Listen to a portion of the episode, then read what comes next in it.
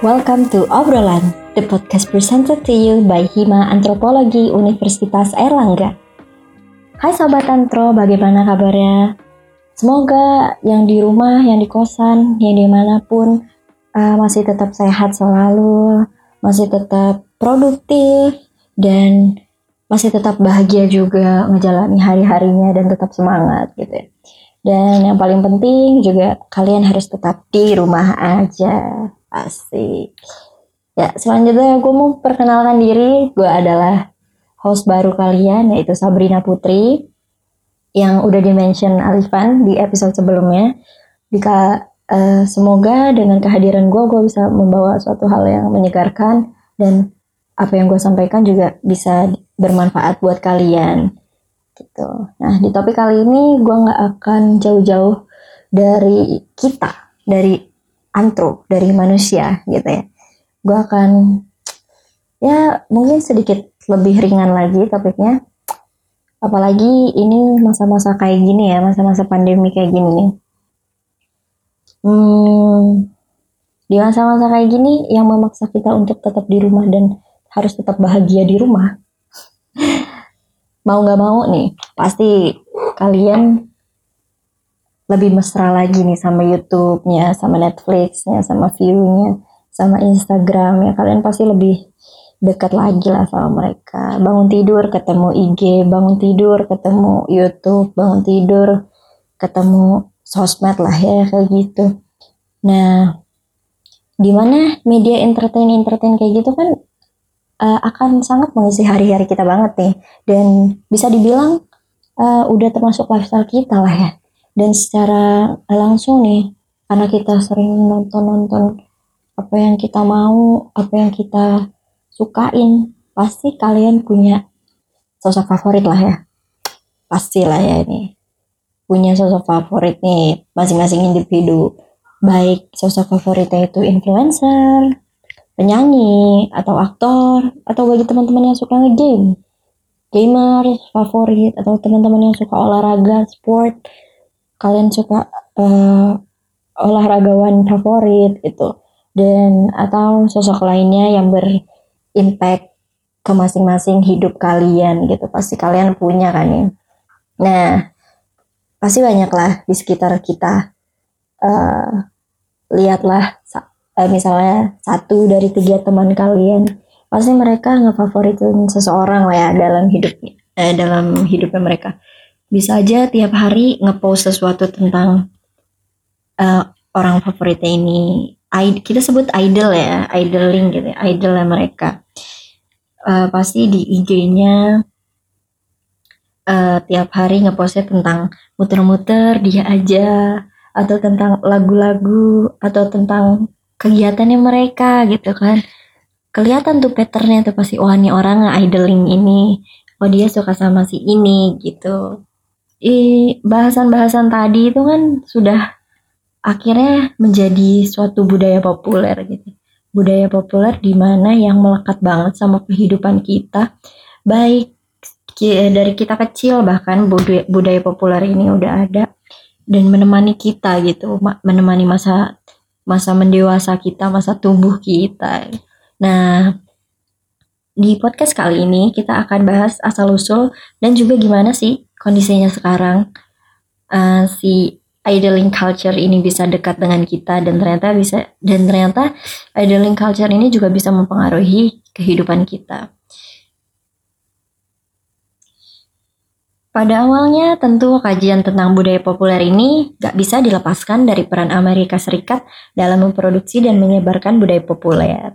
Jadi negara ini sudah menanamkan akar yang cukup kuat gitu ya dalam industri budaya populer Misalnya seperti yang kita tahu uh, waktu kita kecil ada music television MTV, terus uh, yang sekarang masih terus ada McDonald, misalnya Hollywood, ada Hollywood dan ada industri animasi mereka yang gak kalah epic belakangan ini atau sepanjang masa epicnya mungkin ya. Ada Walt Disney, Looney Tunes, ada juga Marvel misalkan DC dan lain-lainnya. Nah, perkembangan selanjutnya ini gak hanya berhenti di Amerika uh, Serikat aja nih teman-teman. Ternyata juga akhirnya menginfluence negara-negara lain uh, untuk memproduksi suatu hal yang menghibur gitu, yang bisa melanjutkan budaya populer dan gak hanya terhenti di satu benua aja, yaitu bisa kita lihat misalkan perkembangannya di ada di Taiwan, Hong Kong, di Jepang, gitu ya.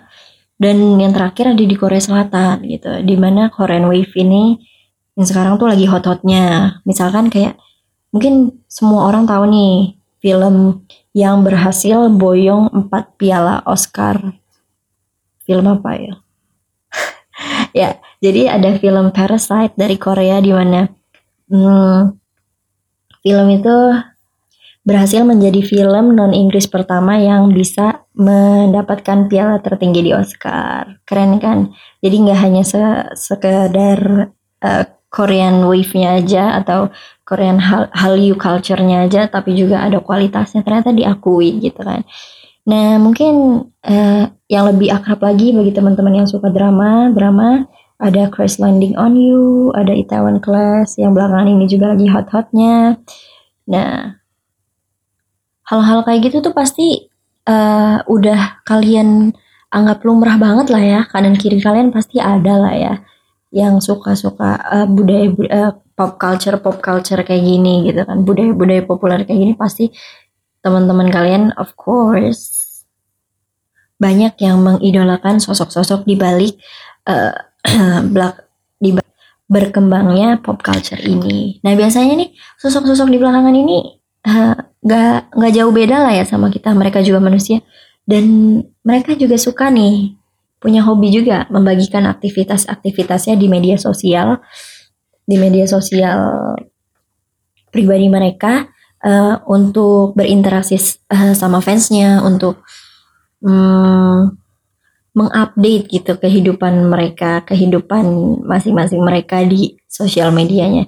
Dan gak sedikit juga uh, si fans-fans ini juga akhirnya terpengaruhi sama hidup mereka dari mulai gaya berpakaian mungkin atau mungkin untuk perempuan-perempuan gaya make up atau bahkan gaya hidupnya dari mulai apa yang dia punya, apa yang dia miliki gitu ya. Itu uh, itu juga bisa uh, akhirnya bisa menginspirasi si fans-fansnya ini dan itu juga hasil dari interaksi mereka di sosial media. Nah, case yang belakangan ini lagi meledak-meledaknya juga bagaimana hubungan antara idola dan fansnya ini atau uh, antara sosok public figure tadi kepada masyarakatnya ini menimbulkan suatu problem. Nah, problem utamanya yang gue dap, uh, yang gue simpulkan di sini ada dua yaitu berupa bisa berupa lifestyle dan hubungan emosional gitu di lifestyle mungkin kita bisa ngelihat kayak ada plus minusnya. Banyak sih plus minusnya tuh banyak banget.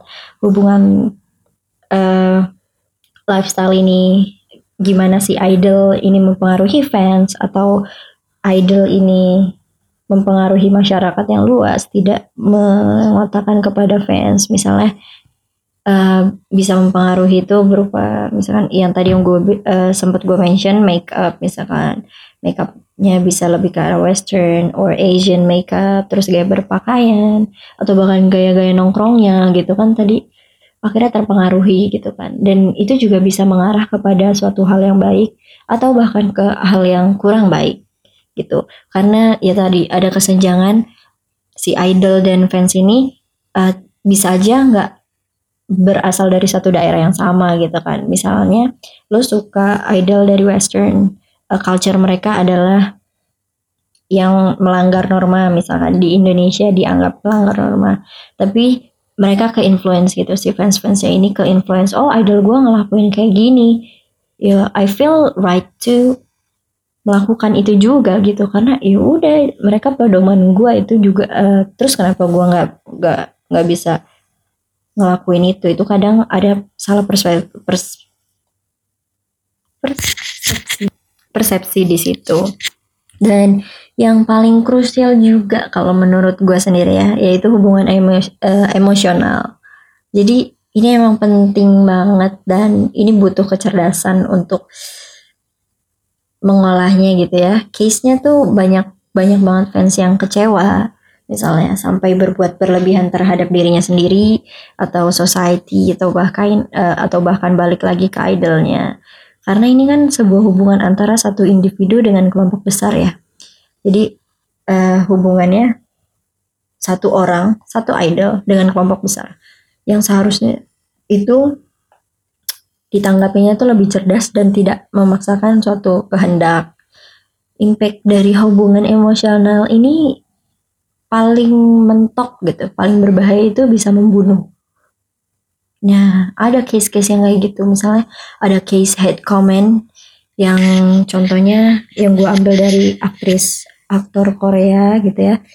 Yang akhirnya membunuh itu ada Suli, ada misalkan Gohara dan ada juga uh, tekanan publik yang didapat dari penyanyi-penyanyi atau tuntutan-tuntutan yang harus dipenuhi padahal individu itu sudah bilanglah sampai limit ya. Jadi hubungan emosional ini memang sangat bisa dibilang seharusnya nggak ada gitu mungkin menurut gua. Karena itu memang sangat bersifatnya harusnya masing-masing. Kalau lo suka kepribadian dia ya silahkan ikuti. Kalau nggak ya udah tinggalkan. Nah, case di Indonesia juga nih ada nih. Yang belakangan ini lagi hot-hotnya juga yang sempet boom juga.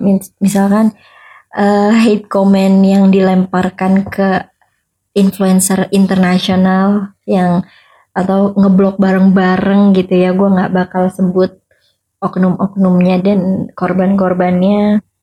Nah culture idling tadi yang ada di dalam uh, pop culture tadi akhirnya membuat persepsi bahwa culture idling itu gak bagus gitu kan. Karena di dalamnya ada praktek-praktek yang oknum-oknum tertentu yang tidak sehat gitu yang gak bisa mendukung idol secara sportif atau merasa emotionally connected with entah idolnya atau entah fansnya gitu jadi negatifnya ini tadi perspektif tadi ya. Nah, Casey melihat bagaimana fans dalam uh, representasinya ini sering kali ditolak dalam masyarakat. Nah, fans yang obsesif muncul karena telah diambil oleh konteks tadi, di mana uh, orang-orang yang non fans ini menganggap bahwa uh, posisinya sebagai normal dan si abnormal ini adalah orang-orang yang sudah dikotakan tadi yaitu fans. Nah, hal negatif yang bisa timbul dari uh, idling ini bagi fansnya itu bisa berupa fanatik ya, Kas, uh, atau fanatisme atau bisa kita bilang keyakin uh, menurut KBBI keyakinan atau kepercayaan yang terlalu kuat terhadap suatu ajaran, baik bisa berupa politik atau agama itu sangat nggak baik untuk bagi se uh, bagi seorang fan.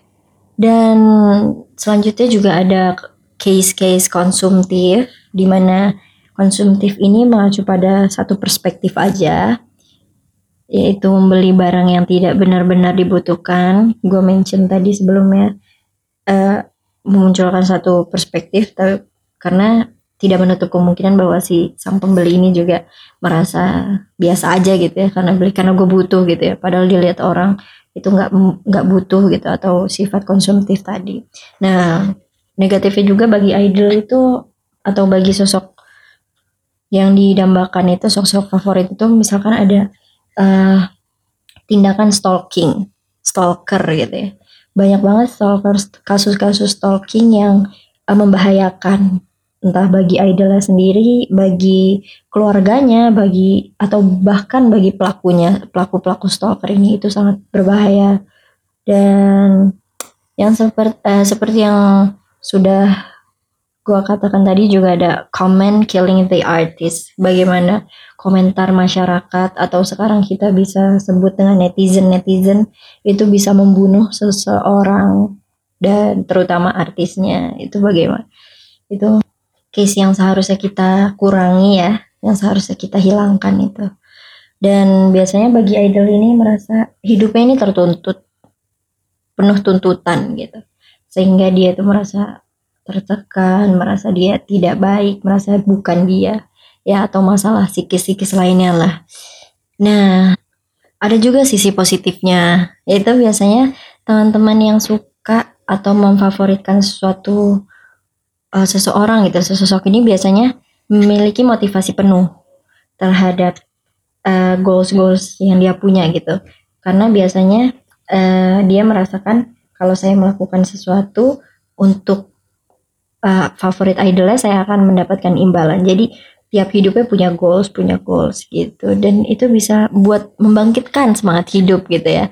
Dan biasanya juga akhirnya berorientasi dia pasti masing-masing punya orientasi terhadap kehidupannya dan juga yang terakhir biasanya ini uh, fans-fans ini suka berkarya sekali ya ya bagi yang suka uh, punya fav uh, punya favorit singer mereka akan bis, uh, bisa berkreasi kayak nyanyi atau bagi teman-teman yang tertarik di dunia fashion, mereka akan mengekspresikan diri melalui fashion. Terus kalau misalkan yang suka aktor atau sangat terobsesi sama uh, film-film itu bi bisa menjadi sutradara gitu ya, bikin short movie, bla bla bla bla gitu. Ya.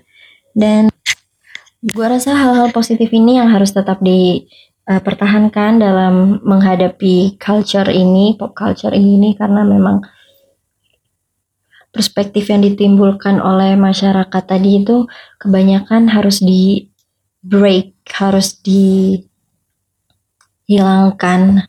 Um, dan yang terakhir dari gue uh, pesan-pesannya bahwa bagaimana uh, budaya populer yang telah ada ini dan budaya di kehidupan kita ini tetap menjadi suatu hal yang positif, suatu hal yang baik. Dan kalau bisa memotivasi kita, memotivasi kita dalam berkarya. Dengan memanfaatkan portal-portal yang ada gitu ya. Ada uh, misalnya Instagram atau uh, YouTube. Dan kalian bisa menjadi suatu sosok-sosok penggerak juga gitu. Dan kalian bisa menjadi sosok itu gitu. Sosok yang keren lah. Dan sedikit juga pesan dari gue bagaimana uh, harapan gue itu kalian menjadi netizen yang cerdas dalam dalam berselancar di dunia internet dan tetap menghargai satu sama lain. Terima kasih Sobat Antro udah mendengarkan podcast ini. Bahkan hingga gue ngomong kayak gini nih, berarti sampai akhir kan? Nah, gue harap info yang gue, uh, hal yang gue bagi tadi bisa bermanfaat bagi kalian. Dan mohon maaf bila gue masih banyak banget kekurangan. Uh, eh, gue harap kalian maklum karena ini my first podcast ever. Dan ya semoga bermanfaat. See you on the next episode